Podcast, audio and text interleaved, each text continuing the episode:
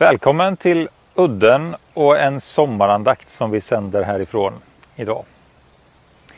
Idag så kommer du få höra Anneli Borg berätta om Ester. Och du kommer också att få höra Karin och Henrik sjunga. Men innan vi drar igång så skulle jag vilja att vi får lägga den här stunden i Herrens händer och be en bön tillsammans. Tack Herre för att eh, du tar emot oss varje dag. Också den här dagen. Tack för att du ser till oss och du vet vad vi bär på och vad vi behöver. Jesus, kom nära var och en. Du ser vad våra behov är idag. I Jesu namn. Amen. Ja, de här sommarandakterna har ju ett tema olika bibliska personer i predikningarna och eh, i den här sången så ska vi också få möta några personer från Bibeln. Några av Jesu lärjungar.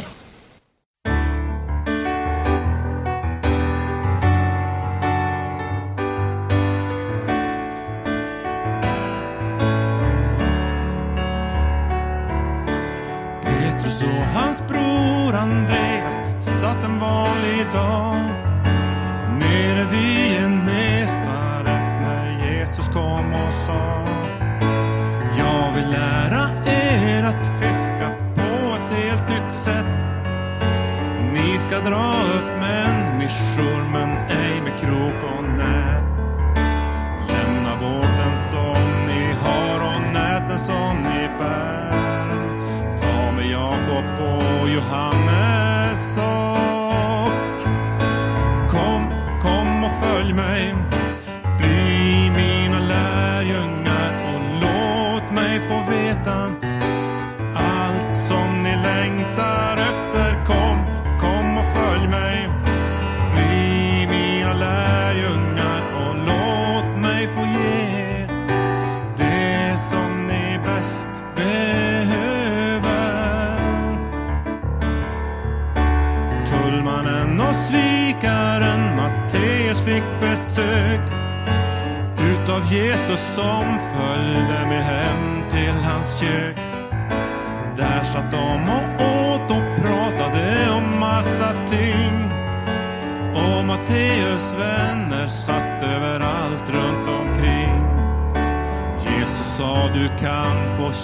Tjäna mera om du lär dig att tjäna Gud som är allt värd.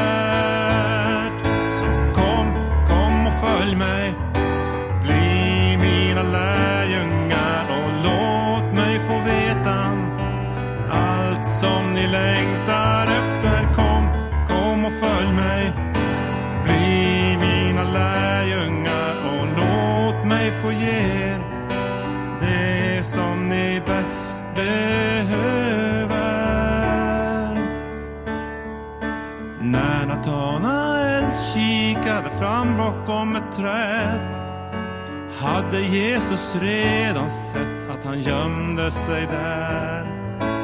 Jesus sa, du gör det mesta rätt och sviker ej. Men det är någonting mer som du måste lära dig. Om du tror på Gud så tro på mig som du nu ser. Och du var med där under sken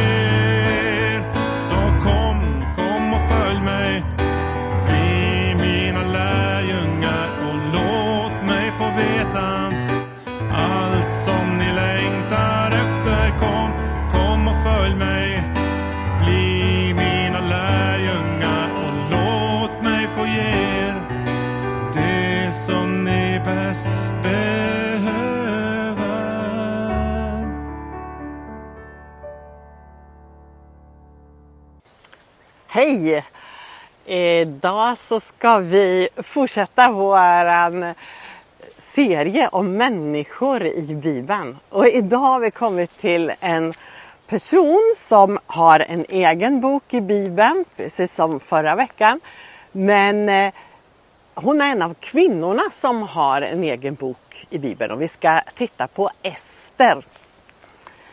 Ester tänker, när jag tänker på Ester då tänker jag på någon som är riktigt modig. Eh, hon var en, eh, en ung kvinna, en ung judinna som eh, levde i det persiska riket.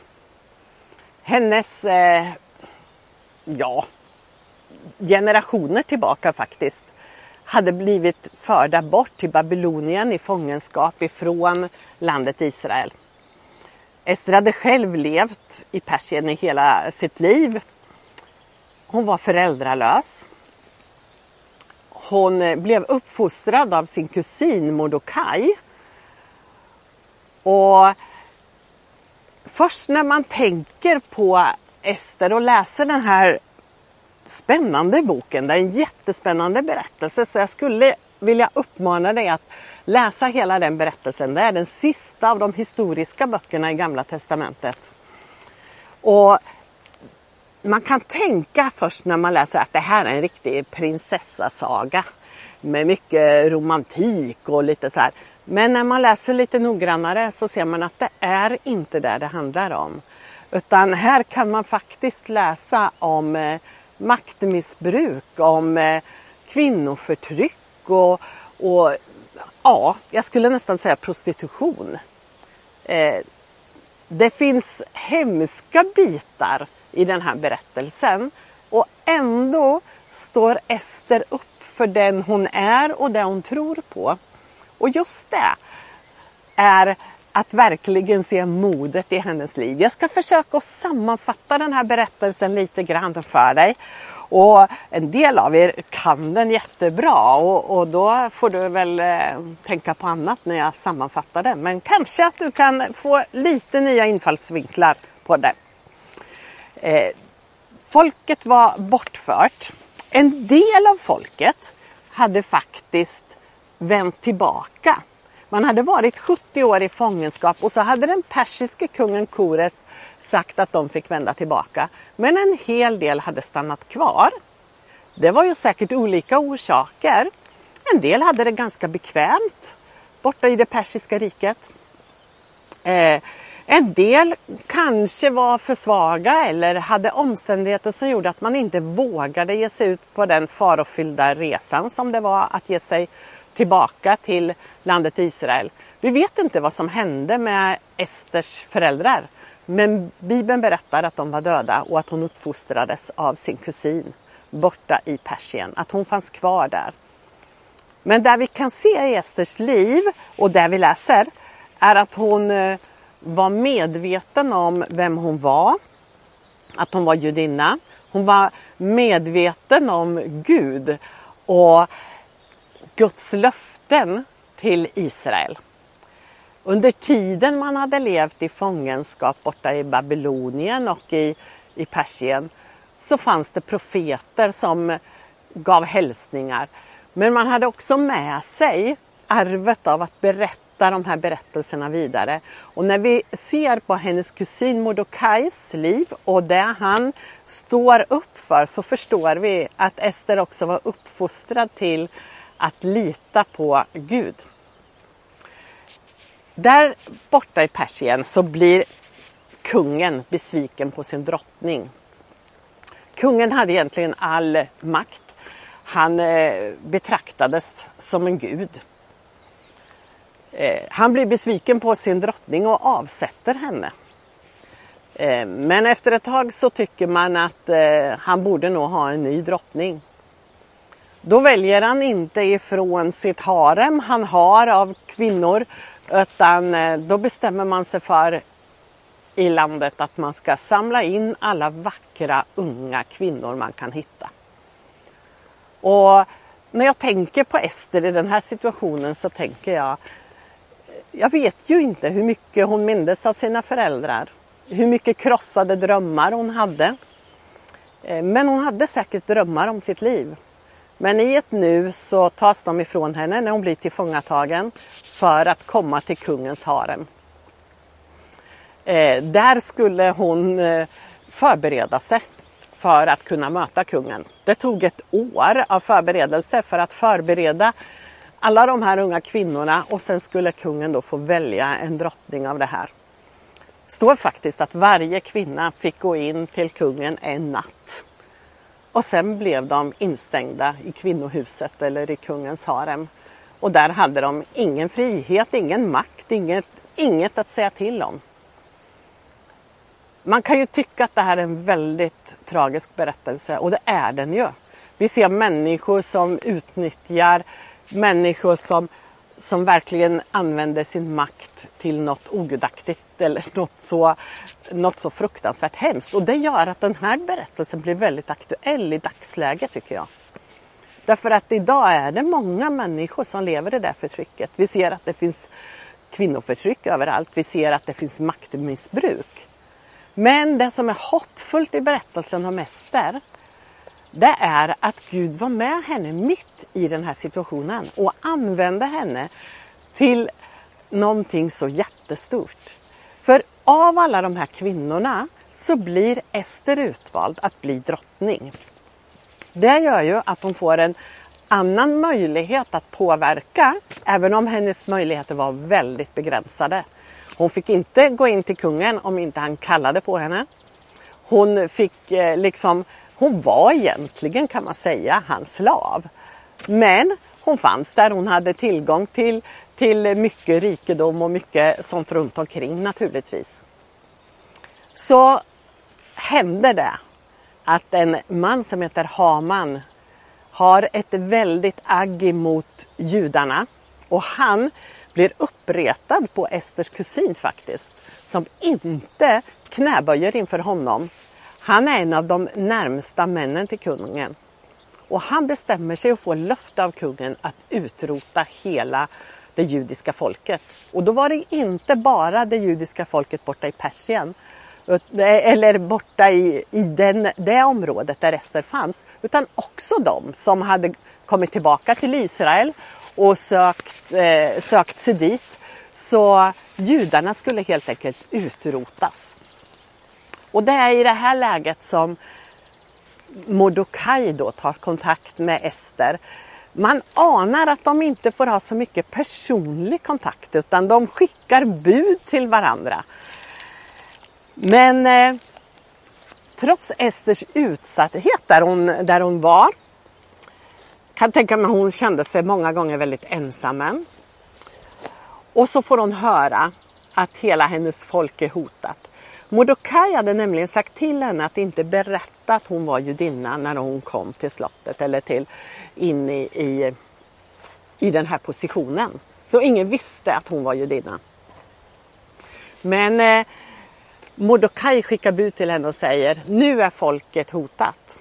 Och så säger han i i kapitel 4 i Esters bok och i vers 14 så står det så här. Då skickar, Eh, då skickar Mordokaj först bud och säger att nu måste du gå in till kungen och vädja för ditt folk. Nu är det dags att du berättar vem du är Ester. Ändå var det ju Mordokaj som hade sagt att hon inte skulle göra det. Men Ester tvekar och säger Mordokaj, du vet att jag inte varit inne hos kungen på länge nu.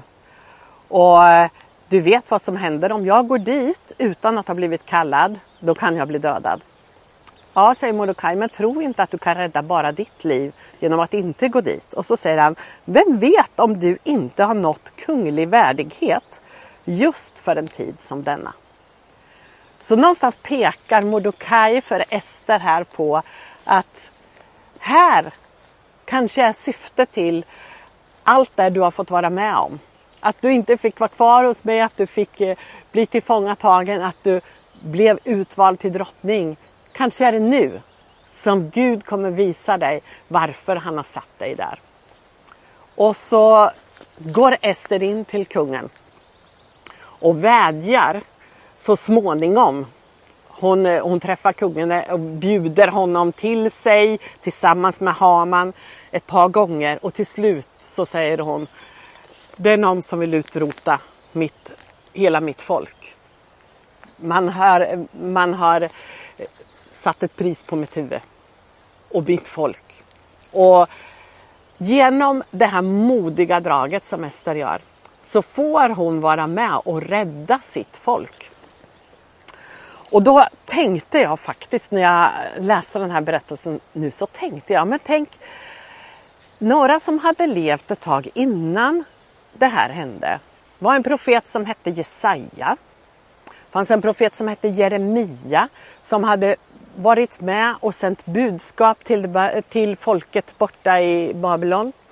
Och jag är säker på att Mordokaj hade hjälpt Ester och berättat de här berättelserna, ingett hopp i hennes liv. Och då tänkte jag på en vers ifrån Jesaja. Och nu vet inte jag om det var just den här versen som bar Ester. Men jag tänker att någon av verserna i Gamla Testamentet fanns där och styrkte henne när hon på darriga ben gick inför kungen och vädjade för sitt folk. I Jesaja 43 så står det så här. Om du än måste gå genom vatten är jag med dig, eller genom strömmar så ska de inte dränka dig. Om du än måste gå genom eld ska du inte bli svedd, lågan ska inte bränna dig. För jag är Herren din Gud, Israels helige, din frälsare. Jag ger Egypten till lösepenning för dig, Nubien och Seba i ditt ställe, eftersom du är så dyrbar i mina ögon, högt aktad och älskad av mig, ger jag människor i ditt ställe. Frukta inte, för jag är med dig. Jag ska låta dina barn komma från öster och från väster ska jag samla dig. Kanske att det var en av verserna som bar Ester igenom den här situationen. Hon fick vara med och rädda sitt folk. Och än idag firar faktiskt judarna Purimfesten till minne av vad Ester gjorde när hon räddade sitt folk från utrotning genom att riskera sitt eget liv. Den här berättelsen ger mig ett hopp om att jag kan vara i vilken situation som helst. Jag kan vara hur utsatt som helst och ändå kan Gud använda mig till välsignelse för andra. Och jag skulle vilja be en bön tillsammans med dig idag om att vi får bli uppfyllda av det mod som Ester hade. Att vi får mata oss med de löften som Gud har gett oss.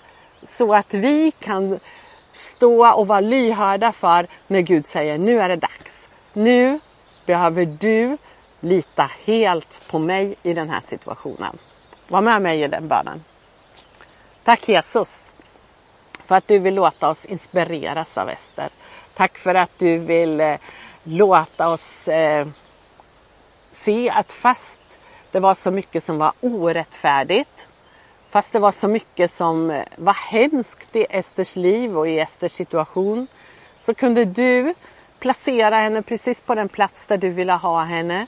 Så kunde du låta tragiska omständigheter få bli till välsignelse och så kunde hon få förtrösta helt på dig. Hjälp oss att på samma sätt lita på dig. Att på samma sätt vara modiga när du kallar oss att gå.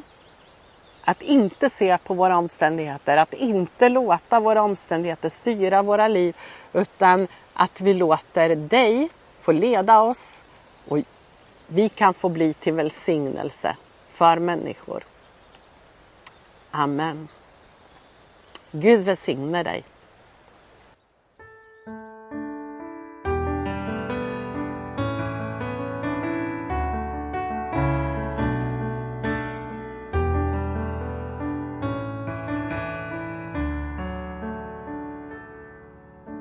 Det blåser en andens vind över vår jord. Det flödar en helig ström ifrån Guds ord. Det brinner en eld i varje själ av längtan till ett hem. Det lyser ett evigt ljus från himmelen. När du känner dig tror att ingen bryr sig om att tänka på dig så finns det ändå flera som känner just med dig. Så göm dig ej, kom fram i ljuset, visa vem du är.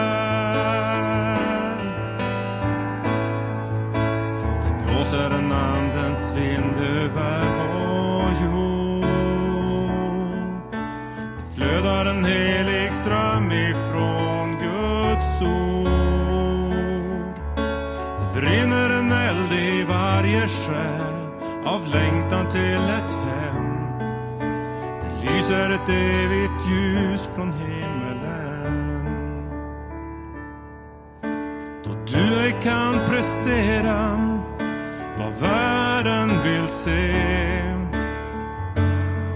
finns det ändå plats för dig. Guds rikes fullbordan behöver din talang. Kom, ta min hand, följ med på vägen till ett evigt land.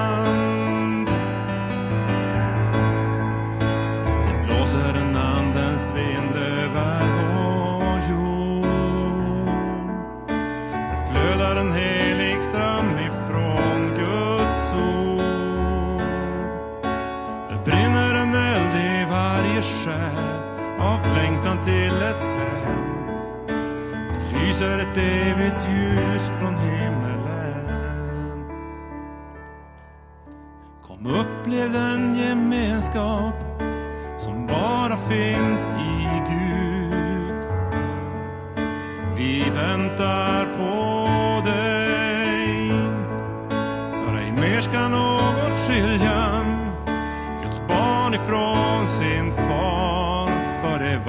fest i himmelen. Välkommen hem. Välkommen hem. Det blåser en andens vind över vår jord. Det flödar en helig ström ifrån Guds ord. Det brinner en eld i varje själ av längtan till ett hem. Det lyser ett evigt ljus. Det flödar en helig ström. Och det blåser en andens vind från himlen.